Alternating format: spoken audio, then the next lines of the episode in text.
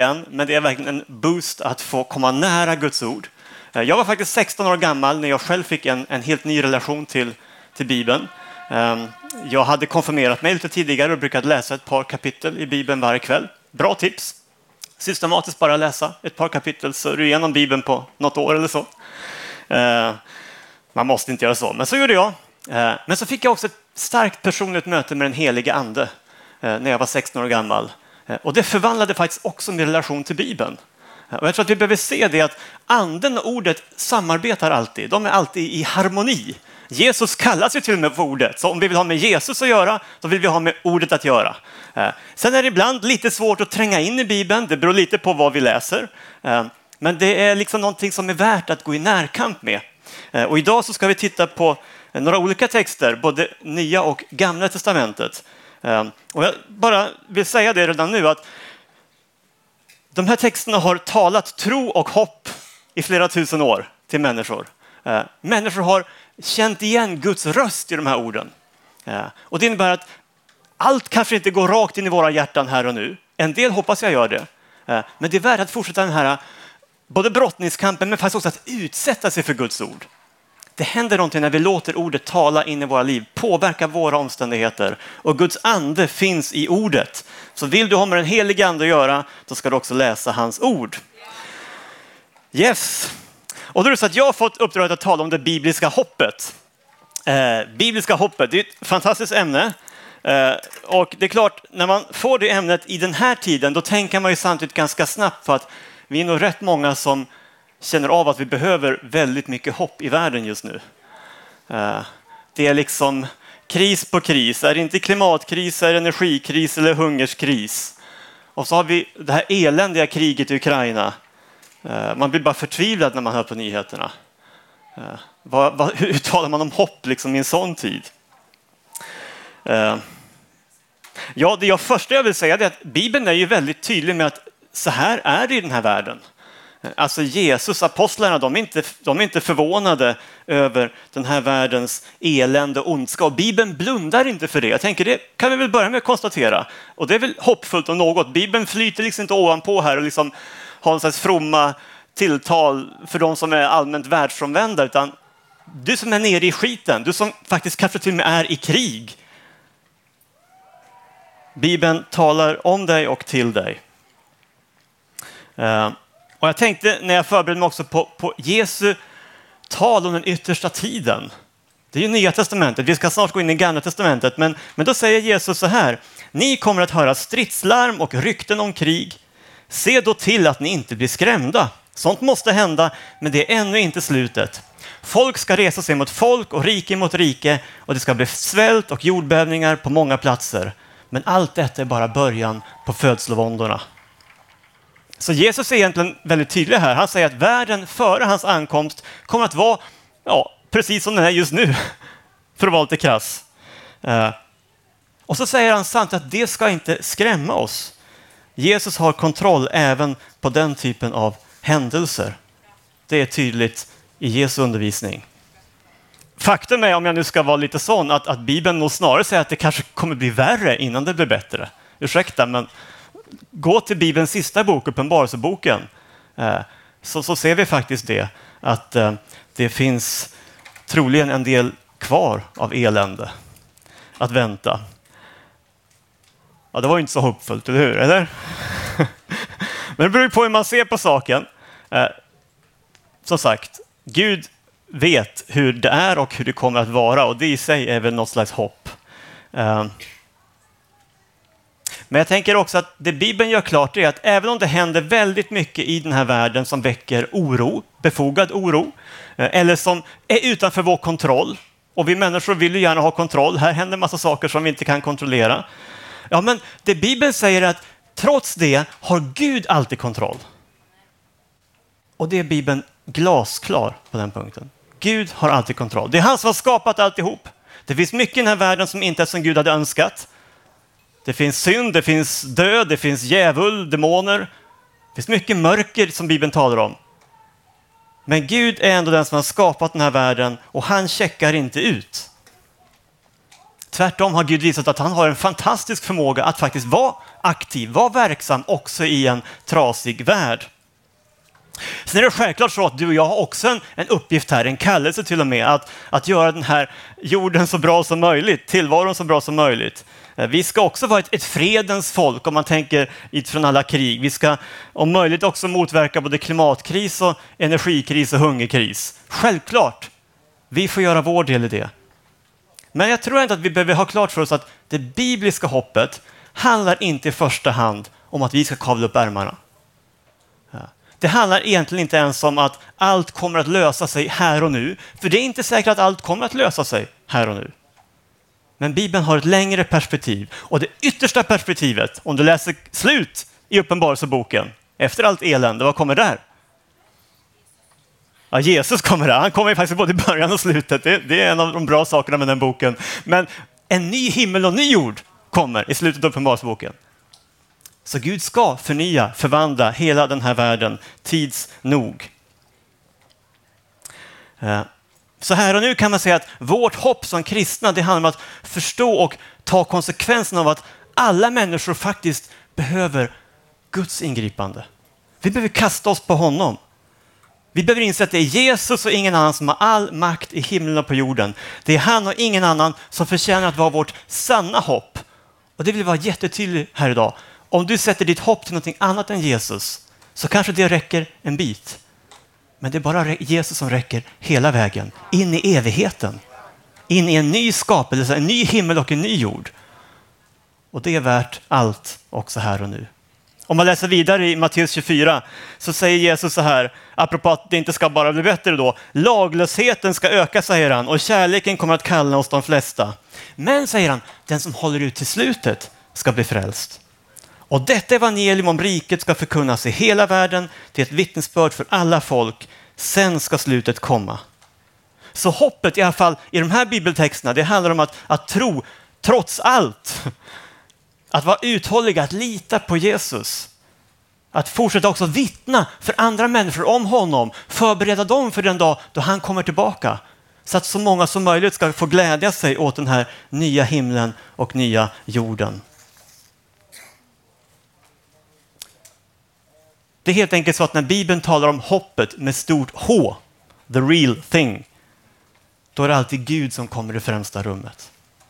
Det är bara när Gud själv griper in som vi på allvar kan ha ett bibliskt hopp. Och det är en ganska enkel orsak till det jag redan nämnt, det är att ja, för det första är alla människor svaga. Gud är evig och allsmäktig och allvis. Och jag vet inte många här som anser sig vara allsmäktiga eller allvisa eller eviga. Inte så många. ah, just det. det. Han är unik. Vi behöver honom. Han kan göra saker och ge saker som ingen annan kan. Men så är Bibeln också väldigt tydlig med att alla människor har en del i ett uppror mot Gud. Det vi kallar för synden. Inte nog med att vi sällan förstår vidden av den här världens problem. Den bistra sanningen är att vi är en del av den här världens problem. Det är inte särskilt roligt kanske. Men titta på Ukraina. Till och med i civiliserade Europa kan så fruktansvärda saker lockas fram i oss människor. Det säger någonting om att Bibeln kanske har rätt trots allt.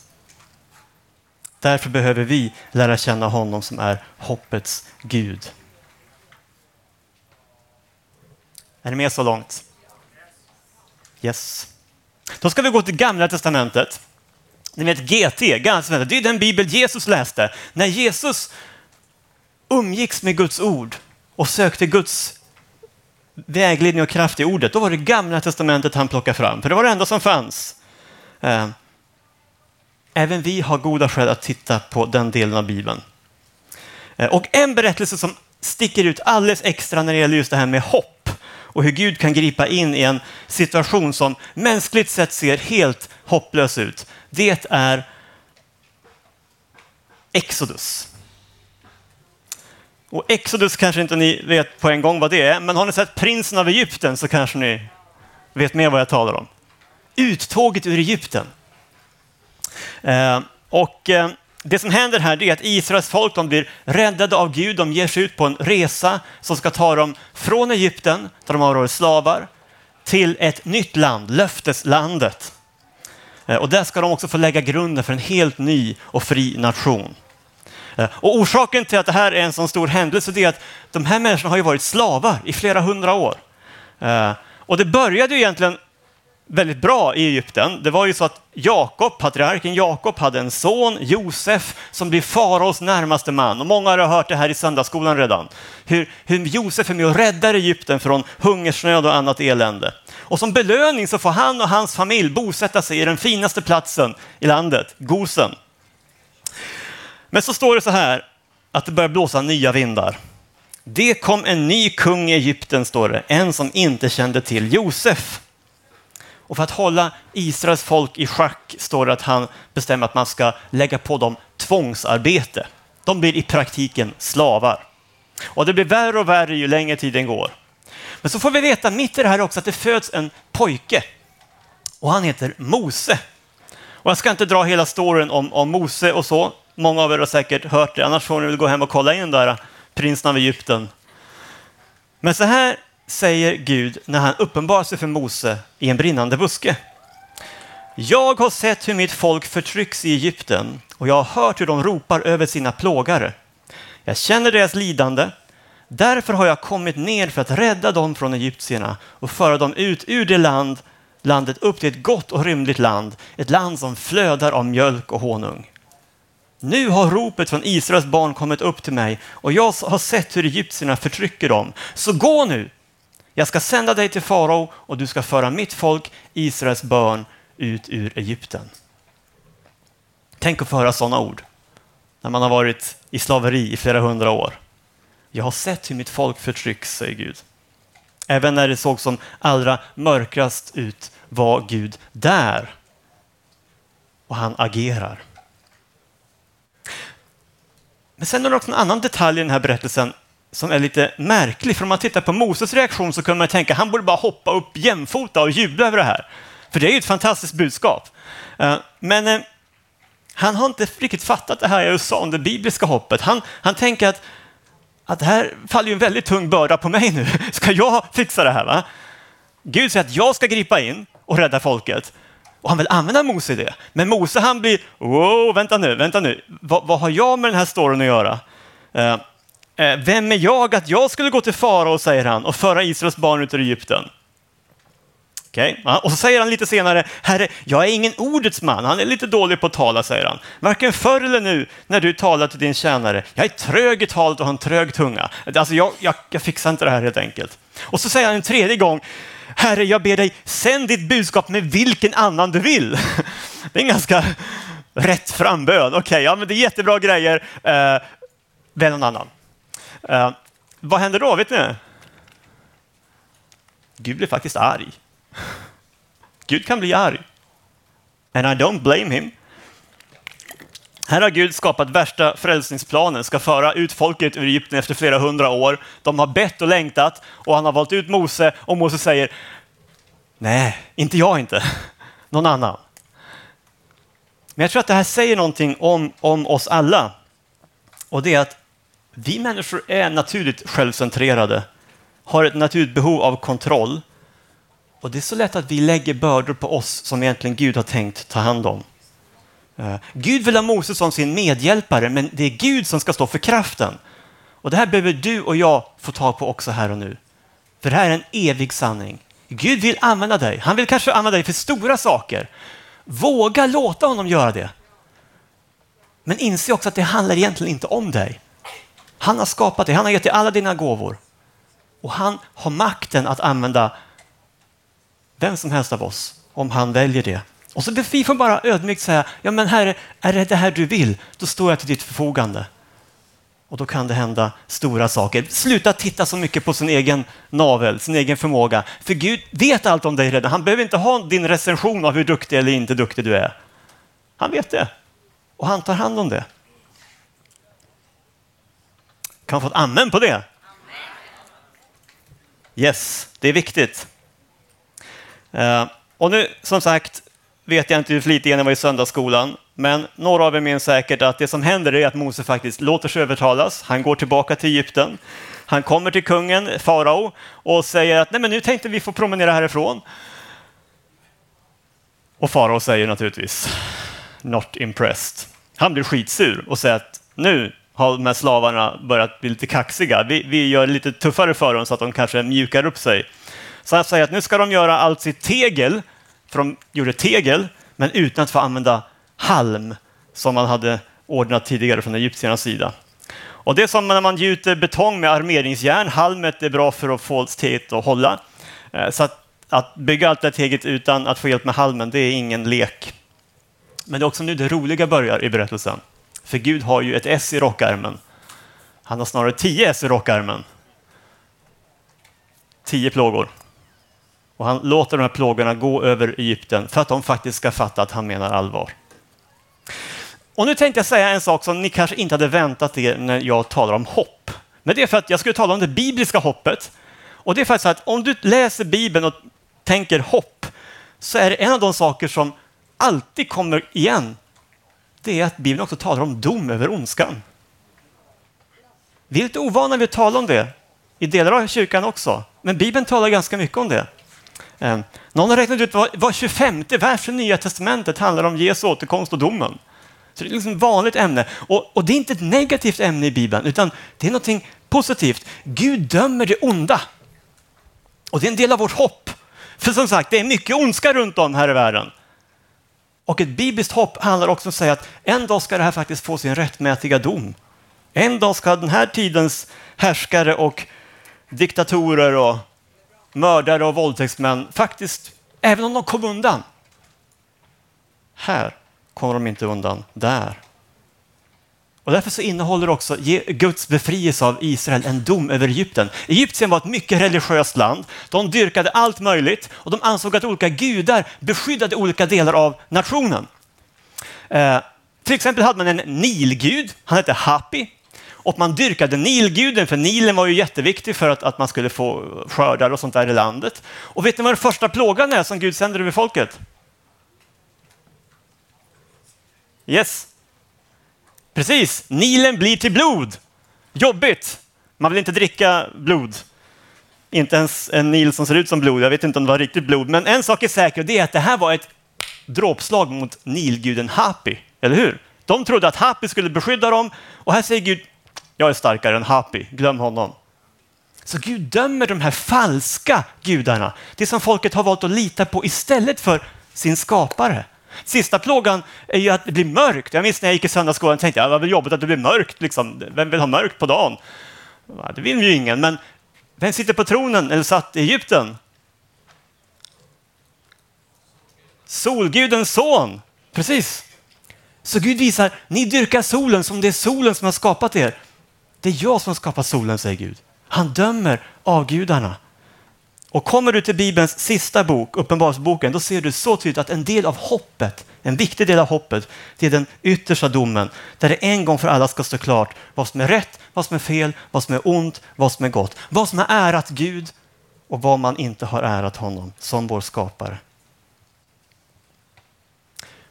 Jag vill säga så här, du kan lita på Gud, inte trots att han är en domare, utan för att han är en domare.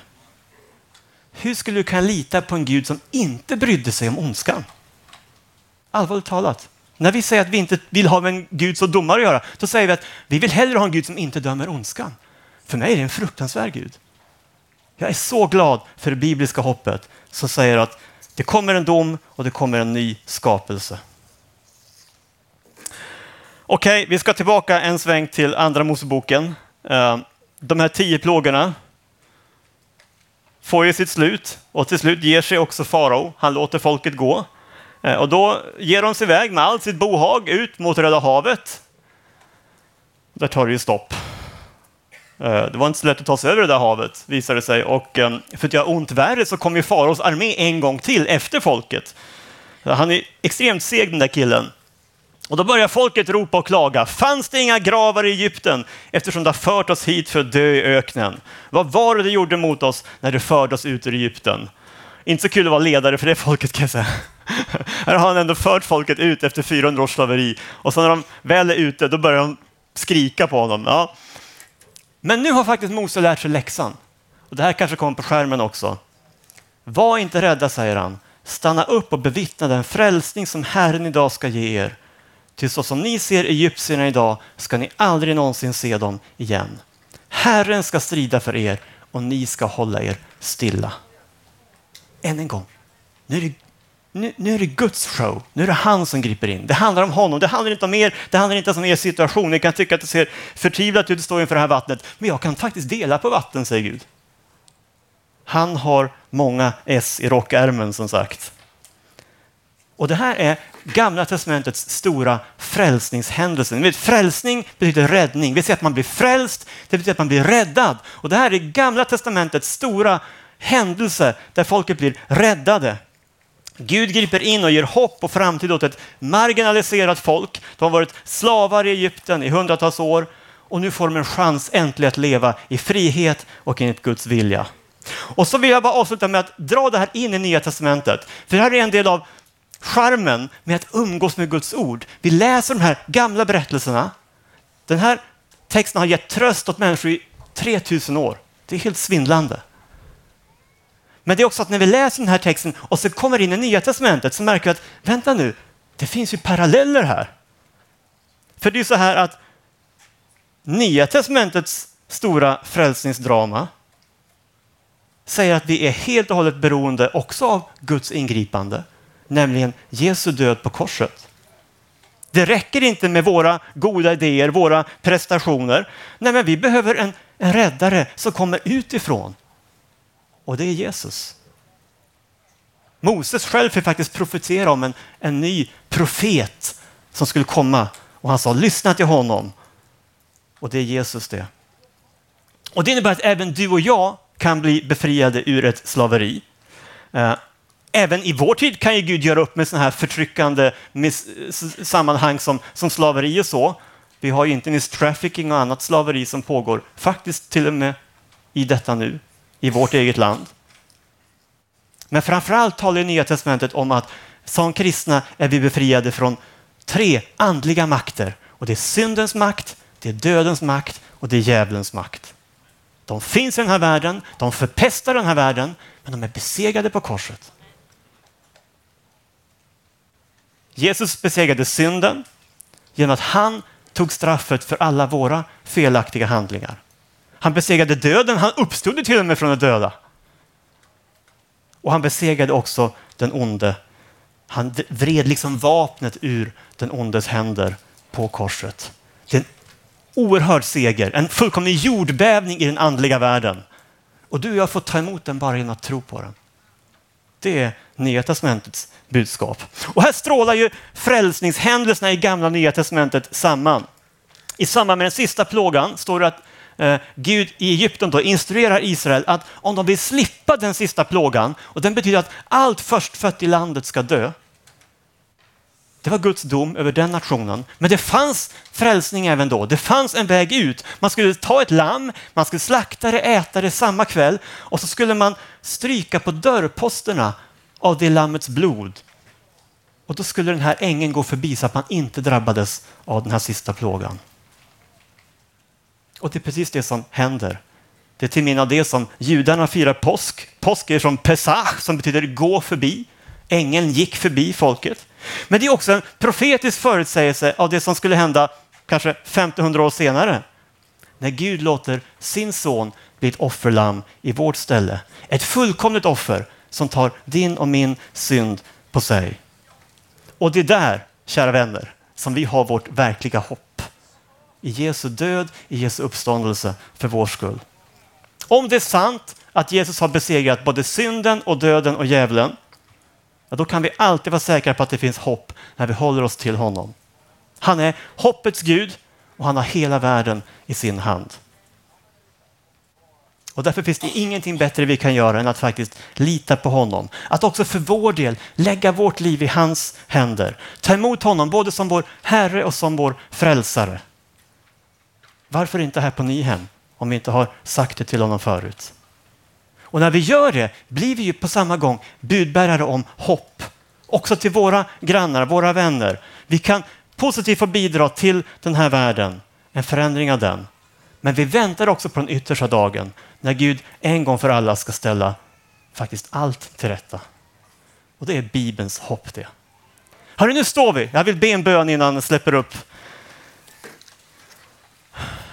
ledarna här. Jesus, jag bara tackar dig för ditt ord som är så innehållsrikt. Och nu tackar vi dig för de här texterna som har talat hopp och tro till kristna och gudstroende genom tusentals år, Herre. Och jag vill be att du hjälper oss att faktiskt våga lita på dig som hoppets Gud. Eh, jag vill be om förlåtelse också för de gånger där, när jag och när vi kanske har tittat för mycket på oss själva eh, och fastnat liksom i vår oförmåga. När du bara ville hjälpa oss att lyfta blicken och se att det här faktiskt inte handlade om oss. Det handlade om dig. Och så ber jag Herre, att, att vi ändå mitt i, i allt får vara en del av lösningen på den här världens problem. Det finns så många kriser, så mycket mörker just nu. Herre, låt ditt folk vara ett ljus som lyser i mörkret. Och så vill jag också be specifikt för de av oss som just nu behöver ditt konkreta ingripande. Herre, att du kanske, vi, vi, vi någonstans ser att vi behöver någon som delar havet framför oss här. Eh, för oss ut ur någonting som vi just nu inte mår bra av. Det kanske är en, en relation som inte är bra. Det kanske är en, ett, ett känsloläge, en depression, en ångest som, som inte vill släppa. Herre, vi bara ber dig just nu att du talar till det mörkret i Jesu namn. Låt det lösas upp. Kom helige Ande. Tack för att du har de möjligheterna. Vi talar till mörker. Vi talar till fruktan. Det att du lyfter av det i Jesu namn. Och så tackar dig Herre, precis som vi läser i evangelierna, kvinnan som har blödningar och sträcker sig mot Jesus. Herre, jag ber att, att vi får göra samma sak. Vi får sträcka oss mot dig. Herre, när vi är i hopplösa situationer eller kanske bara allmänt modfällda. Herre, hjälp oss att gå till källan där det verkligen finns en lösning. Hjälp oss Herre att sträcka oss mot dig. Och påminn med oss här i de situationerna om vem du faktiskt är. Att du är hoppets Gud. Att du är vägen och sanningen och livet. Vi ber om allt det här i ditt underbara namn Jesus. Amen.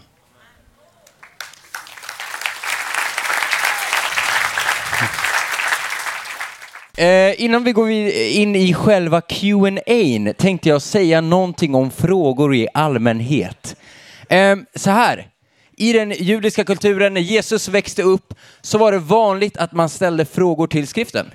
När man läser om Jesus i tältet, eller i templet, så beskrivs det om när han var liten, eh, ja Jesus i tältet, det hade ju varit något.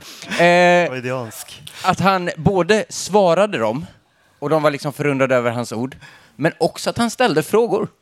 Ja. Så att har du frågor, det är helt okej okay med frågor. Och du kanske inte får alla svar just nu. Och igår fick vi in typ väldigt många frågor. Vi hann svara på tre eller fyra. Ja. Eh, vi kommer inte hinna svara på alla. Men fånga gärna upp någon av oss eller någon annan Nyhem ungledare, även om det också handlar om frågor om sånt som inte vi pratar om här. För vi är här för att bolla saker. Vi kanske inte vet allt, men vi gärna med på den vandringen och liksom så här, äh, ja, men försöker fundera tillsammans i sådana fall. Så är det så att du har frågor och känner dig orolig för att du har frågor, då hoppas jag att den oron kan få släppa lite grann, för det är helt normalt. Och det är välkomnat att fundera och vrida och vända och inte veta just nu. Så bra. Alltså, det väller in frågor. Jag, jag, tack, jag är tacksam för alla, alla, alla frågor som inte har med, med, med Gud och Bibeln och Jesus att göra. Jag, jag kan hänvisa till, om jag får tillbaka rösten snabbast, kan jag hänvisa till eh, olivolja. Det är det enda svaret jag ger på sådana frågor. Så, uh, vi, Gurgla uh, olivolja. Ja. Uh, men vi hoppar in i en fråga som jag verkligen så här, oj, det här är en riktigt bra fråga. Det står så här. Vad kommer egentligen ske när Jesus kommer? Jag förstår inte riktigt det här med sigillen. är det någon annan som kan stämma in i den frågan eller? Vi undrar det här va? Ja, verkligen. Ja, men, eh, härlig fråga. Det är ju Uppenbarelseboken då för er som inte eh, har läst den så mycket, men där talas det ju om man kan säga sju, det är sju vredeskålar, det är sju sigill och det är sju basuner. Eh, och liksom det händer saker i sådana sekvenser där. Och nu är frågan vad sigillen står för. Jag vet inte om det gäller alla de där eh, tre sekvenserna. Ehm, och eh, så här, Uppenbarelseboken tolkas lite olika. Det är väl ett understatement. Att, att alla tycker inte likadant om Uppenbarelseboken. Jag kan väl bara säga vad jag tror att de där står för. Eh, jag tror att de här, både skålarna och eh, sigillen och basunerna, det står för någonting som sker i hela historien efter, Jesus eh, för, efter att Jesus upptogs till himlen tills att han kommer tillbaka. En slags mönster av eh, ogudaktighet, av, av synd, av katastrofer. Men jag tror att ju närmare vi kommer att Jesus faktiskt kommer tillbaka så kommer det bli så att säga skruvas upp intensiteten. Det blir mer av det. Och det är därför jag sa som jag sa i min predikan eller bibelstudium att jag tror faktiskt att det kommer bli värre innan det blir bättre. Och det sa jag bland annat på grund av just den texten. Eh, så att man kan se de här händelserna i hela historien. Krig till exempel har funnits i hela historien. Men, men kanske att det är vissa saker som kommer vara ännu tuffare inför att Jesus kommer tillbaka. Eh, och eh, sen har olika kyrkor lite olika syn på det där, men, men så tänker jag. Och jag tänker när man pratar om det här att, eh, att det kommer bli sämre innan det kommer bli bättre.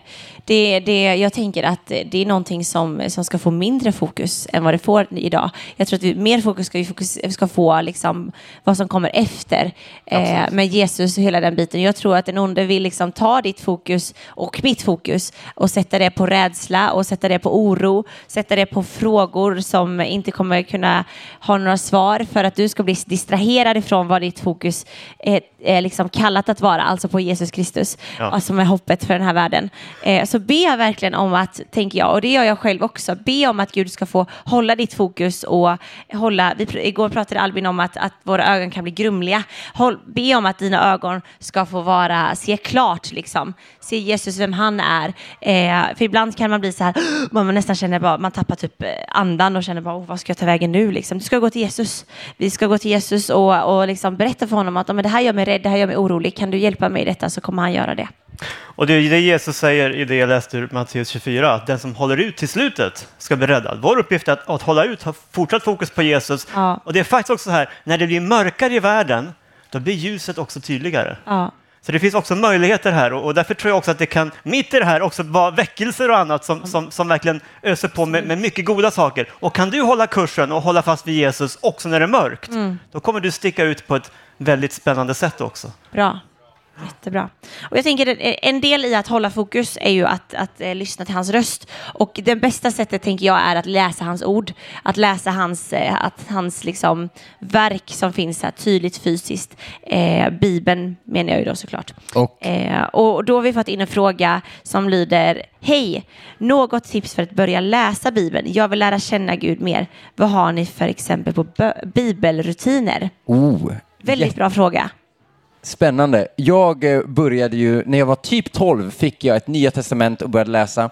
Eh, ni som var här igår hörde lite snabbt att jag började läsa Matteus eh, och då följer man Jesus föds och sen dör han och han uppstår. Och sen kommer vi till Markus där Jesus föds, dör och uppstår. Och när jag kom till Lukas undrar jag varför Jesus behövde dö en tredje gång. För att jag hade inte koll på vad som hände. Min första tips är att börja bara läs och var okej okay med att inte fatta grejer. Det är liksom step one, tror jag. Eh, jag gillar det här, några kapitel om dagen. För mig var det ett kapitel om dagen innan jag skulle gå och lägga mig. Ehm, men jag tror också att läsa tillsammans med en kompis kan vara så bra. Att man säger så här, oh, men ska vi läsa tillsammans ett kapitel om dagen? Eller ett kapitel i veckan? Ska vi snacka om det 15 minuter? Mm när vi ses på fredag kväll i kyrkan eller liknande. För då mm. tror jag att man, man kan bolla saker tillsammans lite som vi bollar här. Mm. Um, mitt tips är, även om vi nu började i Uppenbarelseboken, så är det börja inte med Uppenbarelseboken. inte i tredje Moseboken heller kanske, i De historiska böckerna, läs första Moseboken och andra Moseboken fram till typ kapitel 25, när man börjar bygga arken. Då är det lite lite tuggmotstånd i läsningen. Men första och andra Moseboken kan man säga. Eh, och de historiska böckerna där man läser om, om kung Saul och David och alla de sakerna, Samuelsböckerna och kungaböckerna. Då får du jättebra grund av liksom Israels historia. Och sen ska man alltid varva med gamla och nya testamentet. Inte bara läsa GT särskilt, men inte bara läsa nya testamentet heller. Eh, utan, utan variera sig lite. Och ett eller två kapitel per kväll är en ganska enkel rutin mm. att få till. Jag tänker det finns ju en app som eh, finns att ladda ner liksom, där det finns en läsplaner. Och det var det som du nämnde i början, det finns läsplaner, läs ut Bibeln på ett år. Exempelvis. Och den, den kan guida dig i hur, du, hur liksom, det finns planer för hur man kan läsa och, och liksom kombinera. Men med det sagt så tänker jag att eh, det, jag skulle verkligen uppmana och uppmuntra alla här inne att skaffa sig en fysisk bibel om ni inte redan har det. För ibland så kan det bli att man tänker, men jag tar mobilen för det är smidigt. Bra, jag ser dig. eh, och, men det är så lätt att, att liksom, man blir distraherad och det finns mycket annat som är, blir intressant och så dyker det upp en notis och man tänker men, men jag ska bara svara på det här och så rinner minuterna iväg. Jag, vet, jag hade TikTok ett tag. Den äter upp min tid. Och det är så, man, det, man, utan att man ens hinner blinka så har det gått en halvtimme. Liksom. Eh, så skaffa dig en, en, en, fysisk bibel och lite överstyrningspennor eller vad som helst om du gillar det. Och gör den till din resa. Liksom. Låt Bibeln få vara din resa med Gud, där du får upptäcka vem han är genom hans ord. Får jag säga en sista sak? Absolut. Hellre fem verser varje kväll än tre kapitel en gång i månaden. Bra. Alltså hitta en nivå som funkar helt enkelt. Mm. Det kommer en del frågor kring Jesu återkomst. Eh, lite sådär när. Hur kan man veta när? Ja, det finns ju också lite olika syn på. Ja. Men jag tror ändå det viktigaste eh, att säga det är att eh, Bibeln säger inte tydligt när och alla som har försökt räkna ut har haft fel. Ja. Eh, och då tänker jag, vad lär vi oss av det? Ja, men vi har haft lite trial and error här i 2000 år. Låt ingen lura dig att nu Nej. har vi det, nu vet Nej. vi. Jag tror faktiskt att Gud vill att vi ska leva med förväntan på att Jesus kan komma snart. Ja. Och det enda möjligheten att alla generationer ska kunna leva med den förväntan, det är att vi inte vet exakt när han kommer. Om de första kristna hade vetat att ja, men det dröjer ett par tusen år, då hade de inte levt med liksom, det kan ske imorgon. Liksom. Men Gud vill att vi ska på vara lite på tårna ja. och tänka till att men, mitt liv spelar roll. Det här är mitt race att löpa. Jag vet inte om det är det sista racet på jorden. Jag gör det bästa av det. Ja. Eh, så jag, jag tror att det är viktigare än, än eh, exakt när. Sen är det uppenbart att det, det ligger närmare nu än, ja. än, för 2000 år sedan, men, men jag är inte så brydd av datumen. Jag tänker att det kommer in en del frågor som har just med, jag blir så otroligt varm i mitt hjärta av att det finns sån, sån nyfikenhet på Guds ord. Det kommer in flera frågor kring, eh, kring olika, olika saker som händer i bilen, var, Bibeln, varför bilen, varför, eh, hur eh, och så vidare. Och jag tänker att om en stund så ska vi gå ut och ha efterhäng och vi ska ta en fråga till innan dess. Eh, men jag tänker, vi, eh, Olof kommer att dröja kvar här i några minuter eh, och, och, även jag och William så kan vi tillsammans prata om detta. Eh, för jag tänker att du ska inte gå härifrån och känna att, att du inte fick svar på din fråga om du verkligen, verkligen vill ha en svar. Det kräver ju att du kliver fram och liksom ställer din fråga och det är ingenting som du ska skämmas för. Det är bara liksom fantastiskt och roligt. Eh, alla frågor som jag också nämner idag är ju såklart anonyma. Det är ingenting vi kommer att ta upp och eh, undersöka vem det är som har skickat vilken fråga. Men stanna gärna kvar och liksom samtala med oss. Vi älskar att samtala med er och eh, vi vill jättegärna kunna reda ut saker och ting tillsammans med er. Jag tänker att vi ska ta en sak som handlar om att, också om att så här, lära känna Gud och vem han är som är liksom en nyckel i, här, i, att, i att förstå honom ännu mer. Eh, det är hur, hur man ska veta eh, när det är Gud som svarar. Hur kan man veta det? I alla dessa röster man hör liksom idag. Vad tänker ni?